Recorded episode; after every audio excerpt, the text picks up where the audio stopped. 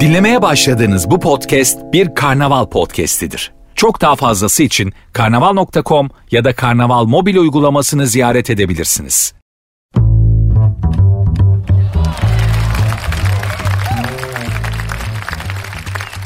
Hanımlar beyler herkese merhaba. Sert Ünsüz başladı ben Nuri. Kül kedisi Cinderella'nın ayakkabısını kaybettiği baloya gitmek için evden çıktığı saatlere kadar. Yani saat 22'ye kadar sizleri eğlendirmeye, denüşük vakit geçirttirmeye çalışacağım. Yaparım yapamam ayrı ama misyonum budur. Zaman içerisinde düşündüğünüz zaman çok da keyifli günlerden geçmiyoruz. Bu bir gerçektir. Gezegen olarak yani hani bırak seni beni bütün galaksi yani Vietnam'da çeltik tarlasında çalışan amca da çok keyifli değil. Yaşadığımız pandemi günlerinden ve onun yan etkilerinden dolayı. Penguenler de mutlu değiller eminim yani kutuplarda onlar da eriyormuş falan. Herkes de bir ne oluyor abi nereye gidiyoruz sorusu var. Soru işareti olarak kafalarda duruyor. Ama bunun için kılını kımıldatanlar var mı? Yok. Olanlar da işte anca kendi kendilerini duyuyorlar ediyorlar. Keyifsiz konular bunlar ama boş verin. En azından işimiz var. Bu zamanda en çok sevindiğim şey ya. Bir işim var. İspanyolca bir deyim var. Duymuş olabilirsiniz. Pazartesi günü, pazartesi günü başına güneş değenler. Şehirde yaşayan işsizleri tanımlamak için kullanıyorlar bunu. Pazartesi günü başına güneş değenler diye. İşsizlik denen şey çok sık yaşadığım için acısını da çok iyi bilirim. İşsizin sakalları daha çabuk uzuyor mesela. Neden bilmiyorum ama öyle. 2000'deki ekonomik krizde bir işim vardı. O krizi yeni atlattığımız, 2000 krizlerini yeni yeni atlattığımız günlerde Sirkeci'de sokakta bir çekim yapıyoruz. Bir adamı çevirdik. Böyle şık, janti biri. Jilet gibi böyle üst düzey bir yöneticiymiş bir holdingde işten çıkarmışlar. Bir senedir tam bir senedir evdekilere işsiz olduğunu söyleyememiş. Her sabah işe gider gibi işten çıkıyormuş. İşte bu sirkeci Gülhane Sultanahmet buralara geliyorum. Akşama kadar dolaşıyorum. Akşamda işten döner gibi eve dönüyorum. Kenardaki param bitene kadar öyle yapacağım demişti. Arkasından da uzun uzun bakmıştım o adamın giderken. Tam aradan 18-19 sene geçti. O adam ne yaptı acaba hala merak ederim. Allah hiçbirimizi pazartesi günü başına güneş değenlerden eylemesin. Dediğim gibi çok şükür işimiz gücümüz var. İşini gücünü kaybeden, işsiz kalan arkadaşlar da inşallah gönüllerine göre bir iş bulurlar ve medarı maişet motorunu işletmeye devam ederler hanımlar beyler. Programın adı Sert Ünsüz. Twitter ve Instagram adresi aynı. Sert unsuz yazıp sonuna iki alt tere koyuyorsunuz. Benim Instagram adresim de Nuri Ozgul 2021. Sert Ünsüz başladı devam edeceğiz.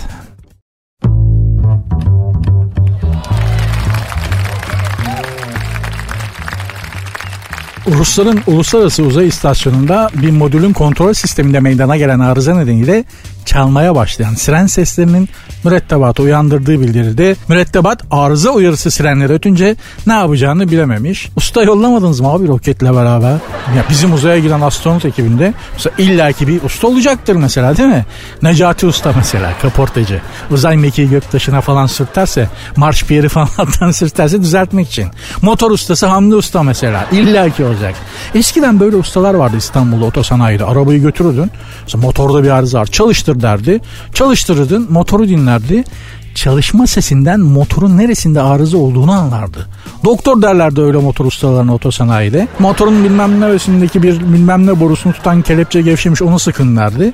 Tak problem hallolurdu. Şimdi hala bu kadar yekta motor ustaları kaldı mı bilmiyorum. Ama tabii ki kalite, kaliteli personel sıkıntısında ciddi bir artış var. Bunu da her yerde hissediyoruz değil mi? Siz de şahit oluyorsunuz yani. Hizmet sektöründe özellikle kalite yerlerde sürünüyor. Hadise çok acı verici boyutta hizmet sektöründeki kalite konusunda. Ama mesela uzaya giden aracımızda mutlaka sağlam bir motor ustası olacaktır. Adım gibi eminim. Haberlerde okuyoruz. Amerika ile Rusya dünyada yer küre üzerinde birbirlerini yiyorlar ama uzayda dayanışma içerisindeler. Mesela Amerikan uzay istasyonunda arıza çıkınca yakındaki Rus istasyonundaki ustalar astronotlar bir koşu gidip tamir ediyorlar. Ben şeyi merak ettim. Acaba sonrasında nasıl hesaplaşıyorlar? Yani hani Rus astronotlar gitti Amerikan uzay istasyonunu mekiğini işte onun arızalanan motorunu tamir ettiler ya Ruslar. sonrasında nasıl oluyor? Nasıl hesaplaşan? Putin Biden arayıp ya bu sizin uzay istasyonun mekinin arka fren baskı balataları aşınmış. Biz değiştirdik. Ücretini rica edeyim diye falan diyor mudur ya? Mutlaka onun bir hesabının görülmesi lazım. Çok yüksek fiyatlı sarf malzemeleri çünkü. Biden da mesela karşılığında para değil de yan sanayi parça itelese ya. Yapar bunlar. Olmaz deme bunların alayı çakal yapar bunlar. Bizde olmaz o. Bizim uzay üstündeki arızayı Amerikalı Rus ustalar tamir edemez. Çünkü bize özgü arızalar var. Dünyanın başka bir yerindeki arabalarda o tür arıza çıktığını ne duydum ne gördüm. Bir tek bizdeki arabalarda olan arıza türleri var. Mesela şu Usta arabadan bir ses geliyor ya bir baksana. İnsanı en gıcık eden otomobil arızası budur. Arabadan bir ses geliyor. Lan bu araba zaten binlerce parçanın değil mi uyum içinde işlemesiyle çalışan bir şey illaki ses olacak. Arabanın bir yerinden ses geliyor diye bir arıza tanımı olabilir mi? Olabilir. Hatta tamiri bile var bizde. Ama bir tek bizde. O yüzden uzaya bir an önce çıkmalıyız. Viyana kapılarından geçemedik hanımlar beyler. Kaderimizde yokmuş. Ama atmosfer dışına mutlaka çıkmalıyız. Bence Kızıl Elma artık atmosfer dışında bir yerde arkadaşlar. Bunu böyle düşünmekte sonsuz fayda mülahaza ediyorum. Sertünsüz devam edecek.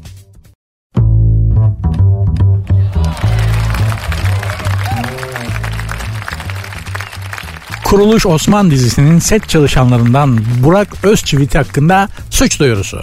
Kuruluş Osman dizisinin set çalışanları başrol oyuncusu Burak Özçivit'in kendilerine hakaret ve küfür içerikli sözler söylediğini belirterek suç duyurusunda bulunmuş.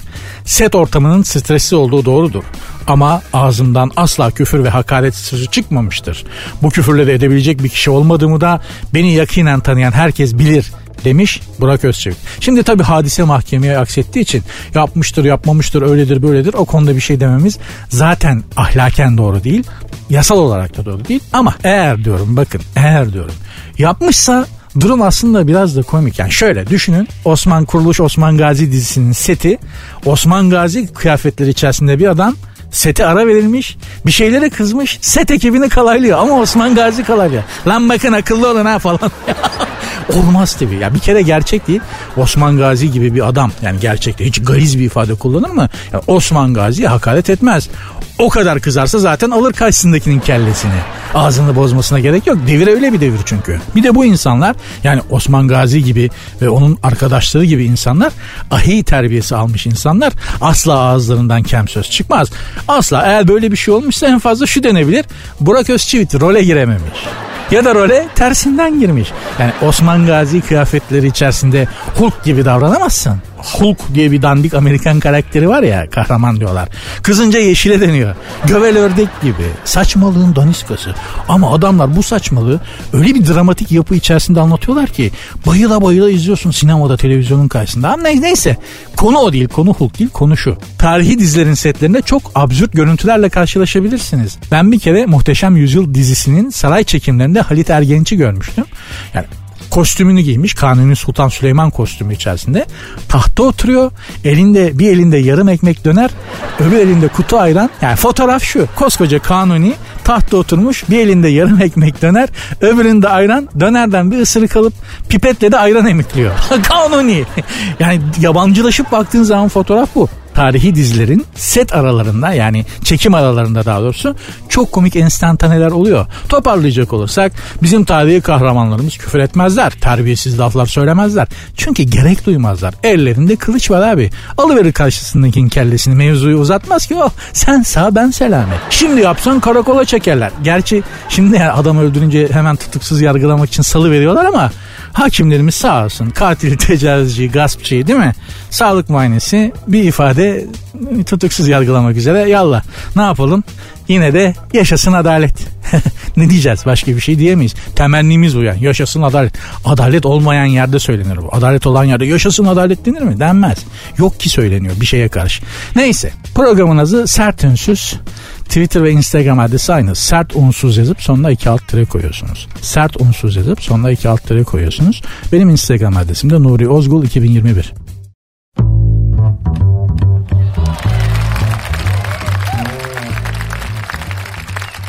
Sert Ünsüz devam ediyor. Az önce yaşasın adalet sözü ancak adalet olmayan yerlerde söylenir. Adalet olan yerde yaşasın adalet olur mu falan demiştim. Abi sert kaçmadı mı diye şey yapanlar olmuş. Ben onu sadece adliye saraylarında tecelli eden, mahkemelerde tecelli eden adaleti kastederek söylemedim ki.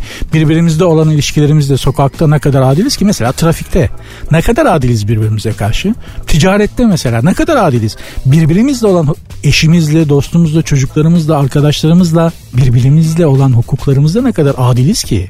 Yani mevzu çok daha derine gidiyor da program öyle bir program değil. Yoksa uzun uzun konuşuruz adalet kavramını. Zaten öyle olması da lazım da konuşması gereken ben değilim. Ben neden bahsedeceğim? Avrupa'da her beş kuştan biri yok olma tehlikesiyle karşı karşıyaymış. Ee, sert bir geçiş oldu biliyorum ama yok olma sınırına en hızla yaklaşan kuş grubu da garibim ördekler. Açıkçası ördeği severim. Bugüne kadar hiçbir ördekli bir sorunum da olmadı arkadaşlar. Etini sevmem, yumurtasını yemem. Yani ördeğin de bana karşı ön yargılı olması için bir sebep yok. Yani ördekler de kendi aralarında konuşurken ya Nuri çok delikanlı çocuk harbiden diyorlardır diye düşünüyorum. Umuyorum en azından. Açık söyleyeyim ördeksiz bir dünyada düşünemiyorum. Bir kere sevimli bir mahluk ördek denen kerata. Ya rica ediyorum bir düşünün. Artık ördeklerin olmadığı bir dünya sizce de eksik bir dünya değil midir? Bu söylediğim ya bazılarına tuhaf ve gereksiz bir romantizm gibi gelebilir.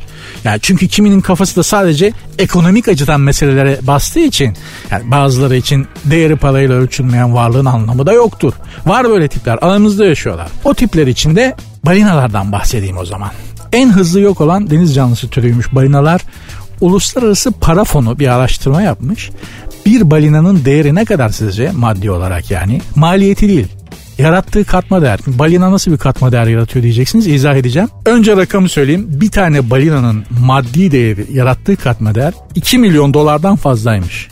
Yani eti değil vesairesi değil. Sağladığı fayda açısından 2 milyon dolardan fazla değeri varmış tek bir balinanın. Peki balinanın faydası ne? Baktım habere kendi adıma söyleyeyim. Dünyaya ve insanlığa benden daha faydalı bir hayvanmış balina. Hakikaten benim balina kadar faydam yok. Ne gezegene ne insanlar. Şöyle ki bir balina tek bir dalışta atmosferden 33 ton karbondioksiti beraberinde götürüyormuş. 33 ton. Yani şöyle karşılaştırın. Bir ağaç, tek bir ağaç bir tanesi kesildiği için yanıp yakıldığımız tek bir ağaç bir senede toplam 20 kilo karbondioksiti absorbe ediyor. Bir ağaç bir yılda 20 kilo karbondioksit tamam. Bir balina bir nefes alışta 33 ton karbondioksiti yok ediyor temizliyor atmosferden. Yani tek bir balina tek bir seferde bir ormanın bir yılda gördüğü işi tek başına görüyormuş.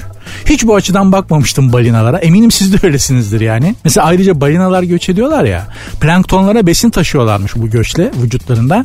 Ve planktonlar balinalar sayesinde çoğalıp bir senede 2 milyar ağacın emdiği kadar karbondioksit emiyorlarmış. Gözle görmüyorsunuz bunları ha bu plankton denen şeyler. Pek çoğu mikroskobik canlılar. Dolayısıyla çevre maliyeti açısından hesaplamışlar. Bir balinanın yarattığı katma değer 2 milyar dolardan fazla. Türkiye'de kaç şirket yılda 2 milyar dolar katma değer yaratıyor bilmiyorum. Oturduğum yerden benim insanlığa ne faydam olur diye düşünüyorsak, denizleri biraz temiz tutarsak, elimizdeki çöpü, mısır koçanını, ıvır zıvırı denize fırlatmazsak, kızartma yağlarını lavabolara dökmezsek falan, şu hayvanlar kadar olmasa da gezegene bir tık faydamız olur. Bir not olarak da iletmek isterim. Programın Twitter ve Instagram adreslerini de arzu edeyim arada. Sert unsuz yazıp sonuna iki alt tire koyuyorsunuz. Benim Instagram adresim de Nuri Ozgul 2021.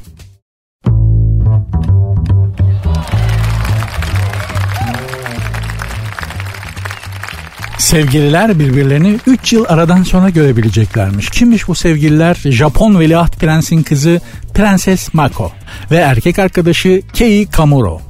Ya bu kızı ben de istiyordum ya. Arkadaşlar yani Allah'ın emriyle peygamberin kavliyle istiyordum. Gerçi bir Japon'dan da böyle kız istenir mi bilmiyorum. Zaten Japonlarda kız isteme var mı onu da bilmiyorum. Yani hani bizdeki gibi gidip anasından babasından falan mı istiyorsun? Yoksa Avrupa'da Amerika'daki gibi kızı ikna et yeter vur sırtına götür tarzı mı? Japonlarda sistem nasıl işliyor onu bilmiyorum ama bu Prenses Mako'da bir aklım kaldı yani. Türkiye'ye geldiğinde kenara yazmıştım kendisini. Neden? Bir kere Japon. Yani Japon ne demek? Saygılı, sessiz, sakin insan demek. E saygılı, sessiz, sakin eş. Dünyada cennettesin oğlum. Daha ne istiyorsun? Hangimiz istemeyiz yani? Kadın erkek fark etmez yani. İkincisi kız Japon ve güzel. O da önemli. Japon güzeli diye de bir şey var sonuçta. Buradan da babasına seslenmek istiyorum. Sayın Japon Veliaht Prens Fumihito. Bu arada arkadaşlar hep düşünsenize kayınpederinizin adı Fumihito. Hoş bir şey. Sofistike isterim şahsen. Yani kayınpederimin adı Fumihito olsun. Güzel jilet gibi bir etkisi var. Valla kızınızın Komuro Kei'de gönlü varmış. Allah tamamını erdirsin ama iş olmazsa yüzük müzik atarsanız ya ben kıza talibim açık söyleyeyim. Ya bu arada Japonlarda yüzük atma diye bir şey var mı onu da bilmiyorum. Yüzsük derler Anadolu'da değil mi? O da hoş bir şeydir. Abi neyin var canın sıkkın? Ya sorma yüzsüğü attık ya der. Yani nişanlısıyla ayrılmışlar. Yüzsüğü atmak o. Japon prenses sevgilisi halktan biri olduğu için sivil vatandaş statüsüne inecekmiş fark etmez. Gül gibi bakarım. O Japon sarayında oturuyorsa onun babasının Japonya'da sarayı varsa ben de boğaz manzaralı evde oturuyorum. Şahin Tepesi gibi. Hem de çatı katlı dubleks. Hem de benim kendi evim. SGK'm da var. Şahsen sanatçı da olayım. Kadın ruhundan anladığımı düşünüyorum. Gezdirmeyi, yedirmeyi, içirmeyi severim. Rica etmeden emir kipiyle asla konuşmam. Bu zamanda böyle kısmet ermişsin daha ne istiyorsun? A Prenses Mako. Yani şimdi prensessin ama benle evlenince kraliçe olacaksın bebeğim. Ana sonlu galetam benim. Yani evlenirsek öyle hitap edeceğim kendisine. Ahududu reçelim ya da bal damlamda diyebilirim. Onu henüz oturtamadım kafamda onu oturturuz sorun değil. Japon prenses Mako halktan biriyle evleneceği için sivil vatandaş sayılacakmış söylemiştim. Ve Japon adetleri gereği kraliyet ailesinden ayrılanlara verilen 150 milyon yen yani 12 milyon Türk lirasında almayacakmış. Vallahi atarım yüzü. Bozar, nişanı bozarım. Al bir tanem. Al ya. Ölüm hak miras helal diye bir laf var bizde kızım. Hak edişini alıyorsun. Niye almayacakmışsın? Al. Dolara yatırırız, altına yatırırız ya da arsa alırız. Şimdi sen bir Japon prensesi olarak steril bir hayat yaşadığın için Makocuğum. Bilmezsin böyle yatırım işlerini. Muhtar tapulu arsa nedir? Yığma piriketten kaçak kat nasıl çıkılır? Ben sana hepsini anlatacağım bebeğim.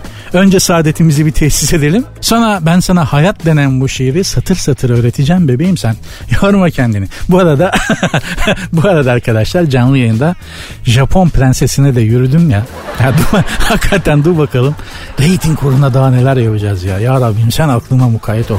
Koca Veliaht Prens'in kızına yürüdüm canlı yayında. Ne o rating Allah Allah.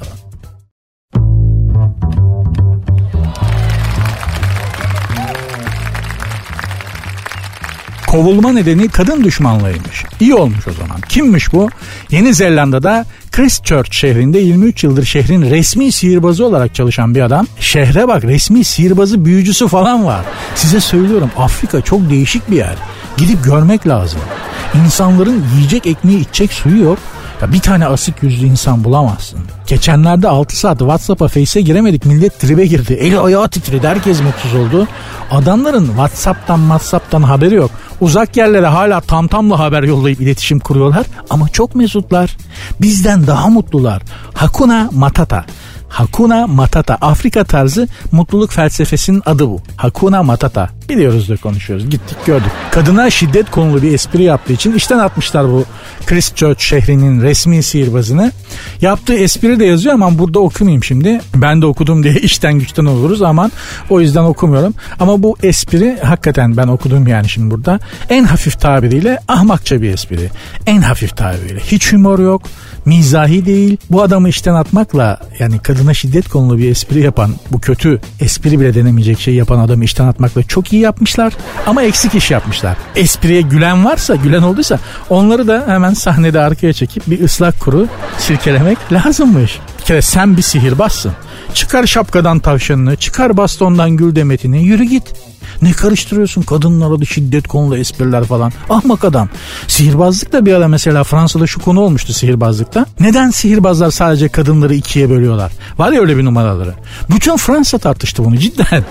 Büyük bir illüzyonist çıktı en sonunda cevap verdi. Sahne sanatı yapıyoruz. Sihirbaz erkektir. Yardımcısı da estetik açıdan kadın olur. Bu bir. O numarada esnek bir vücut lazım ancak bir kadın bedeni o kadar esnek olabiliyor. Erkekleri kutuya sokup ikiye kesme numarasını yapamayız. Çünkü vücutları kadınlar kadar esnemiyor. Bu iki hiçbir kadını zorla kutuya sokup numaradan ikiye bölmüyoruz. Soruyoruz gönüllü olanlara yapıyoruz. Bu da üç dedi. Bütün Fransa'da eyvallah baba dedi ikna oldu. Ama bence sihirbaz deyince de arkadaşlar David Copperfield'dır yani. Yani sahnede insan kaybeden sihirbaz var. İşte yok işte yumurtayı kaybedip başkasının kulağının arkasından çıkaranlar var. Ama David Copperfield koca adayı yok etti ya. Adayı adayı bildiğin ada heybeli ada büyük ada gibi adayı tak diye yok etti adam. Yani şimdi düşün David Copperfield Sarayburnu'nda sihir numarası yapıyor. Tak Kadıköy yok. Kurbağalı dereye kadar. Adam koca semti yok ediyor ya. İşte sihir bu işte illüzyon bu. Ben İstanbul Büyükşehir Belediye Reisi'nin yerinde olsam David Copperfield'ı işe alırım. Bu semt kaybetme numarasıyla çok büyük hizmetler yapar bu David Copperfield İstanbul'a. Sertünsüz devam edecek arkadaşlar. Programın Instagram ve Twitter adresini vereyim mi? Sizleri irite etmek pahasına vereceğim. Çünkü ver dediler. Sert unsuz yazıp sonuna iki alt koyuyorsunuz. Hem Instagram hem Twitter adresi böyle programın. Benim Instagram adresim de Nuri Ozgul 2021.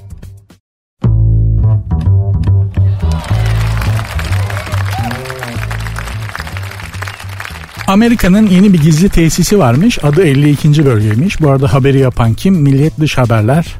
Editör Ayşe Özdemir'miş. Adını da verelim. Meşhur bir 51. bölgesi vardır Amerika'nın biliyorsunuz. Hikayeye göre buraya uçan daire düşmüş vaktiyle. Biri ölü, biri ağır yaralı olmak üzere iki uzaylı kurtulmuş. Yaralı uzaylı Amerikalılarla uzaylılar arasında irtibat sağlamış. O sayede Amerika ile uzaylılar ortak çalışıyorlarmış. Şimdi beni bilen bilir ben Amerikan karşıtıyımdır. Bunu söylemekten de hiç çekinmem. Eğer bu komplo teorisi doğruysa uzaylılarla Amerikalılar ortak iş yapıyorsa Amerikalıyla dost olan uzaylıya da lanet olsun. Adam değilmişsiniz yani. Zaten adam değilsiniz de yani yaratılış itibariyle değil mi? Adam değiller yani uzaylı bunlar. Ama ben lafın gelişi dedim yani adam değilsiniz diye bunun altını çizeyim ama Amerika ile ortak iş tutan uzaylılara da buradan seslenmek istiyorum. Arkadaş şu galaksinin gelişmiş bir canlısı olarak Amerika'nın dünyada işlediği suçlara bir bakmaz mı insan ya? Ya insan derken de yani lafın gelişi. Şahsen ben uzaylı olsam Amerikalı gel baba ortak iş yapalım şu gezegende desin. Dünyaya şöyle bir bakarım. Bir gözlem yaparım. Amerika'yı bak Orta Doğu'da Orta Doğu'yu falan geçtim, Afganistan'ı falan geçtim. Sadece Latin Amerika'da, hatta bırak bütün Latin Amerika'yı, sadece Haiti'de yediği haltları görünce Amerika'nın derim ki ya kusura bakmayın ben sizin gibi karaktersizlerle ortak iş yapma. Atmosfer dışında insaniyetlik yokmuş be kardeşim. Arkadaşlar şaka yapmıyorum. Hakikaten bizim millet olarak bir an önce uzaya çıkmamız lazım. İnsanlık, vicdan, merhamet, şefkat, Neşet Ertaş. Bunlara uzaya belli ki biz götüreceğiz. Çünkü bu Amerika'nın Neşet Ertaş'ı var mıdır bilmem ama bunlar Snoop Dogg diye garip bir adam var. Onları çıkaracaklar uzaya. Snoop Dogg'u biliyorsunuz şarkılarında ne ana bırakıyor ne bacı. Çok özür dilerim. Valla bakın yani insanlar da para verip indirip dinliyor her şarkıyı. Galiz böyle bir başlıyor şarkının başından sonuna kadar saydırıyor dinleyeni. Ha bu ada ayrı bir kültür. Biz seviyoruz diyenler varsa eyvallah meşrebin müsaitsi bir şey diyemem yani ama çünkü var böyle bir tarz. Yani biliyorum sene 1989 Beyoğlu'nun arka sokaklarında bir mekanda bu Snoop Dogg tarzı hani Şarkının başında başlıyor sonuna kadar kalaya. Bu kültürü bu tarzı Türkiye'ye taşımak isteyen girişken ve avel bir arkadaş sahneye çıktı. İçerisi de metal müziğe ve rock'a gönül, rock'n'roll'a gönül vermiş insanlarla dolu. Çıktı bu arkadaş. Başladı şarkı olarak topluca bize saydırmaya. Ama neler söylüyor. Önce bir şaşkınlık oldu. Belli ki bu tarz saydırmalı, kalaylamalı şarkıları İngilizce dinlemiş mevcut kitle ama Türkçesini duymaya alışık değiller. Önce bir şaşkınlık oldu. Biraz tahammül edilmeye çalışıldı. Bu en son artık herkesin annesinin mesleğiyle ilgili tahminini melodik olarak sahnedeki sanatçı dile getirince bütün metalcilerin rakırların içindeki Ankara bebesi dışarı pörtledi. Sen ne diyorsun la bizim anamıza bacımıza? Gel la sen buraya diyerekten eleman adama bir dal gözümün önünde hala kaç sene oldu? Adama bir daldılar. Ya en son gördüğüm şuydu bas gitarın sapını bunun yatırıp yatırmışlar. Biri ağzını açıyor çeneyi aşağı çekiyor. Biri üst çeneyi tutuyor. Biri de bas gitarın sapını burgulu tarafından bunun ağzına sokmuyor yapmaya çalışıyordu. O ara mekanı terk ettim ben çünkü o zamanlarda Beyoğlu karakoluna düşmek hakikaten Beyoğlu emniyetine düşmek çok tehlikeli bir şeydi. Hortum lakaplı bir başkomiseri vardı kendisini. Karakola gelenlere e, hortumla böyle dirsekten bileğe kadar yarım kol uzunluğunda bir hortumla e, hoş geldin derdi. Detay vermeyeyim kötü hatıralar. Neyse işte o ara mekanı terk ettim ben. Sertinsiz devam edecek hanımlar beyler.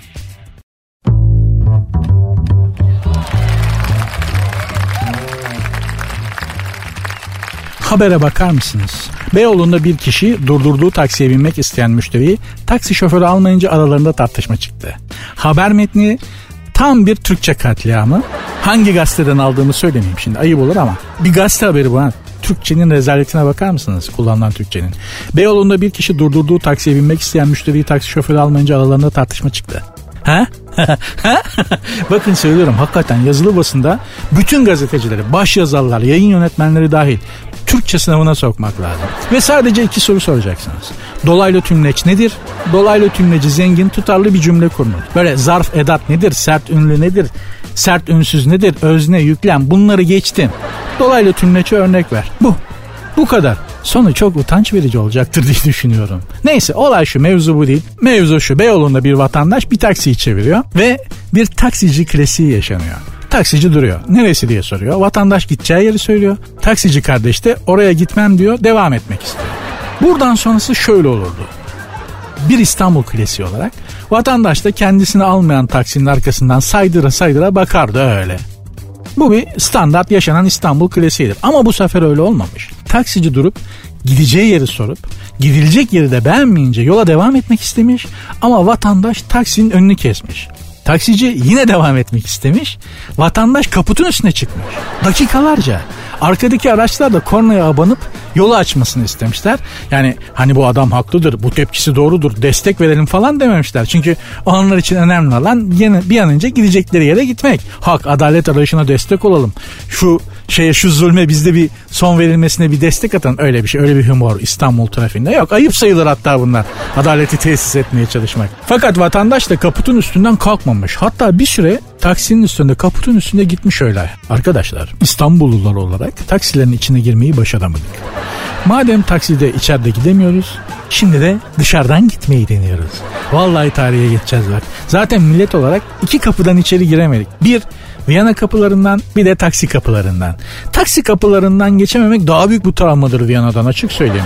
Ya haberlerde cayır cayır geçiyor. 7-24 taksiler denetleniyor diyor. 7-24 taksiler denetleniyor diye. Yine de böyle şeyler oluyor düşünün. Neden? Aristoteles'in bir sözü var. Site insanı kimdir? Yani şehirli insan kimdir diye sormuşlar.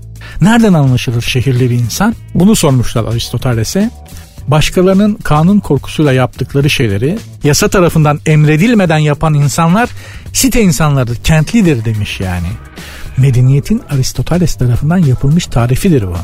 Başkalarının yasa zoruyla yaptıkları şeyi yasa emretmeden kendi kendine yapabilen insan medeni insandır demiş Aristoteles. Yoksa yani zorla, zor kullanarak, zor yoluyla hayvanları da belli bir sınıra belli bir kalıba sokabiliyorsunuz malum.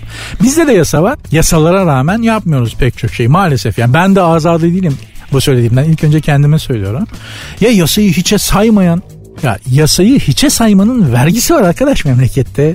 Şöyle ki belli katlara kadar evlerin binaların altında otopark zorunluluğu var biliyorsunuz. Belediye yasası bu. Ama bir bedel ödersen yani resmi olarak harç falan ödersen belediyeye bir para yatırırsan otopark yapmayabiliyorsun.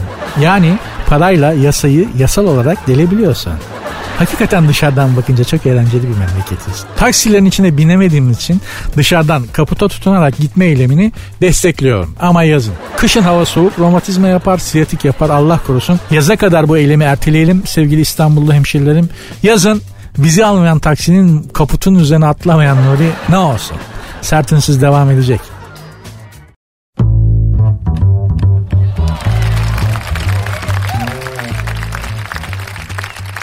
Sert ünsüz devam ediyor. Türkiye ağrı kesici hastasıymış. Sağlık Bakanlığı ilaç pazarı raporunu yayınlamış. Geçen yıl en çok kullanılan ilacın ilk dördü ağrı kesiciymiş. Ağrı kesici kullanımındaki artış son 5 yılda %150 kat artmış Türkiye'de. Neden acaba? En çok neremiz ağrıyormuş? Başımız. Neden acaba? Niye en çok başımız ağrıyor? Çünkü en çok oraya vuruyorlar. Evde yaramazlık yaparsın çocukken kafana vururlar. Okula gidersin. Şimdi artık yok ama zamanımızda vardı. Kafana vura vura öğretirler. Askere gidersin. Yok askerde dayak yok. Hayır hiç görmedim. Askerde vurmuyorlar. Yani işe gidersin. Fiziken kafana vurmazlar ama öyle bir mobbing yaparlar ki keşke kafama vursalardı dövselerdi dersin. Kafasına vura vura öğretmek diye bir tabir var ya Türkçe'de. Neden karşısındakinin kafasına bu kadar saygısızız? Çünkü onun içindeki organa saygı yok. Hangi organ o? Beyin.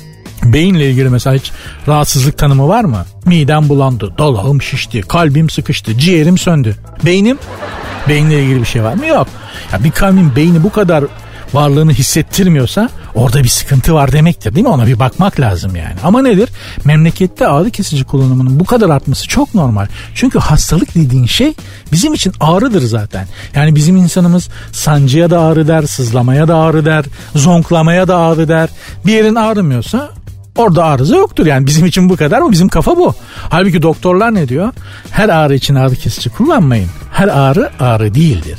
Ona bir bakmak lazım diyorlar. Ha ama nedir? Elemden, kederden ve ızdıraptan da eğlence çıkartan bir milletiz be. Yani ölen ben diye oynak bir türkü var mesela. Daha ne olsun? Ölen ben diye göbek atılır mı ya? Atıyoruz ama. Ağrıdı başım nanay diye oynak türkü var ya. Adam ağrıdı başım nanay diye göbek atıyor ya. Ama benim akıl erdiremediğim zirve türkü şudur. Bütün cemillerden özür dilerim ama türkü böyle. Allah bütün cemillerin ve herkesin anasına babasına sevdiklerine uzun sağlıklı ömürler versin diyeyim önce. Türkü şöyle akıllara zarar. Belli ki kadın ağızlı bir türkü. Yani türküyü bir kadın yakmış. Türkü şöyle zaten pek çoğunuz biliyorsunuz. Anan öyle Cemil, baban öyle Cemil, yetim kalasın Cemil, benim olasın Cemil. Yuh Yuh adamın hayatını bitirdin. Sülalesini yeryüzünden kazıdın bir kızım. Sonra diyorsun ki benim olasın. Ayıp. Ya Allah bu gerçekten bir daha söyleyeyim ya. Okuduk Türkiye ama bütün Cemillerin ve anası babası hayatta olan herkesin ailesine sevdiklerine, annesine babasına uzun ömürler versin diyeyim de türkünün negatifinin en azından kabasını alayım şöyle. Birazdan hanımlar beyler sert ünsüz son anons için sizinle birlikte olacağım ve sert ünsüzü bugünlük kapatacağız. Ama son anonsda da tatlı bir mavra yaparız tabi. Hadi hoşçakalın deyip gidecek halimiz yok. Devam edeceğiz.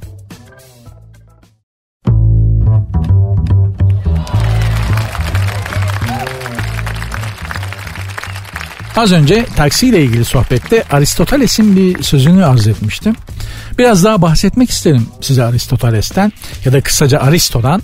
Çok önemli bir sözü daha var kendisinin. Ya pek çok önemli sözü var da. Şimdi size söylemek istediğim sözü şu, size iletmek istediğim sözü şu. Kötü bir adama yardım ettiği için kendisini kınayıp neden o kötü adama yardım ediyorsun Aristo diyen soran dostuna ben insana değil insanlığa yardım ederim demiş. Aristo da hakikaten boş adam değilmiş laf da güzel. Ben insana değil insanlığa yardım ediyorum. Güzel bir laf. Bakın tasavvufta da bu minvalde bir düstur vardır. Kötülük yapana mutlaka iyilikle cevap verdiği. Yani sağ yanağına vurana sol yanağını dön o değil. O başka bir tavır. Bu kötülük yapana mutlaka iyilikle karşılık ver. Yani mantık şu kötülük yapana iyilik yap ki iyilik yayılsın. Karşındaki kötülük yapıp ortaya bir kötü bir fiil koymuş. Sen de kötülük yaparsan bir kötü fiili daha koyacaksın. Kötülük artacak. İyilik yap ki bir kötülüğün karşısında hiç olmazsa bir iyilik olsun. Kolay mı? Değil. İnsana en zor gelen şeylerden biri affetmek. Öbürü de vazgeçmek zaten. İkisi de eğer başarabilirseniz insanı hem kişilik olarak hem de iş güç açısından yaşam kalitesi açısından çok ileri götüren şeyler. Ama dedim ya hakikaten kolay değil. Ne affetmek ne vazgeçmek. İkisi de kolay değil. Daha ben yapamıyorum. Kendim yapamadığım şeyi size niye yapın diye söyleyeyim. Sözü geçmesi gereken kanaat önderlerinin işte toplum liderlerinin neden sözlerini sallayan yok? Yapın dedikleri şeyleri önce kendileri yapmıyorlar da ondan. Lafın tesiri olması için önce lafın sahibinin kendisinin yapması lazım. O şeyi ki söz tesirli olsun. En önemli liderlik sırlarından biridir bu. Biliyoruz da söylüyoruz yani. Allah hepimizin lafına tesir halk etsin diye dua edip programı hayır dua ile bağlar başı yapmak isterim hanımlar beyler. Sert ünsüz bugünlük bitti. Haftanın ilk günüydü. Pazartesi sendromu sizde çoktan bitmiştir. Muhtemelen evdesiniz. Ya da eve varmak üzeresiniz ya da çoktan eve gittiniz çıktınız dolaşmaya şöyle bir tur atmaya ya da ne bileyim ne yapıyorsanız işte. Son tahlilde benim gibi mesaiye yeni başlayanların sayısı çok azdır. Benim mesai de bitti gerçi. Ben de eve gidiyorum. İnşallah memnun olmuşsunuzdur. İnşallah sizi kendi gerçekliğinizden biraz kopartıp rehabilite edebilmişimdir. Bunu yapabildiysem bugünkü yövmiyemi de hak ettim demektir. Müsaadenizle ben gidiyorum. Ha müsaade yok otur biraz daha geyik çevirdesiniz. Hiç hiç işim olmaz. Çünkü şey yazmıyor. Yani para yevmiye yazmıyor. Para vermiyorlar. Ekstraya para verseler en sevdiğim şey. Ekstra kadar tatlı para var mı? Ama yok olmuyor. Dolayısıyla ben de gidiyorum. Yarın görüşmek üzere. Programın Instagram ve Twitter adreslerini hatırlatayım.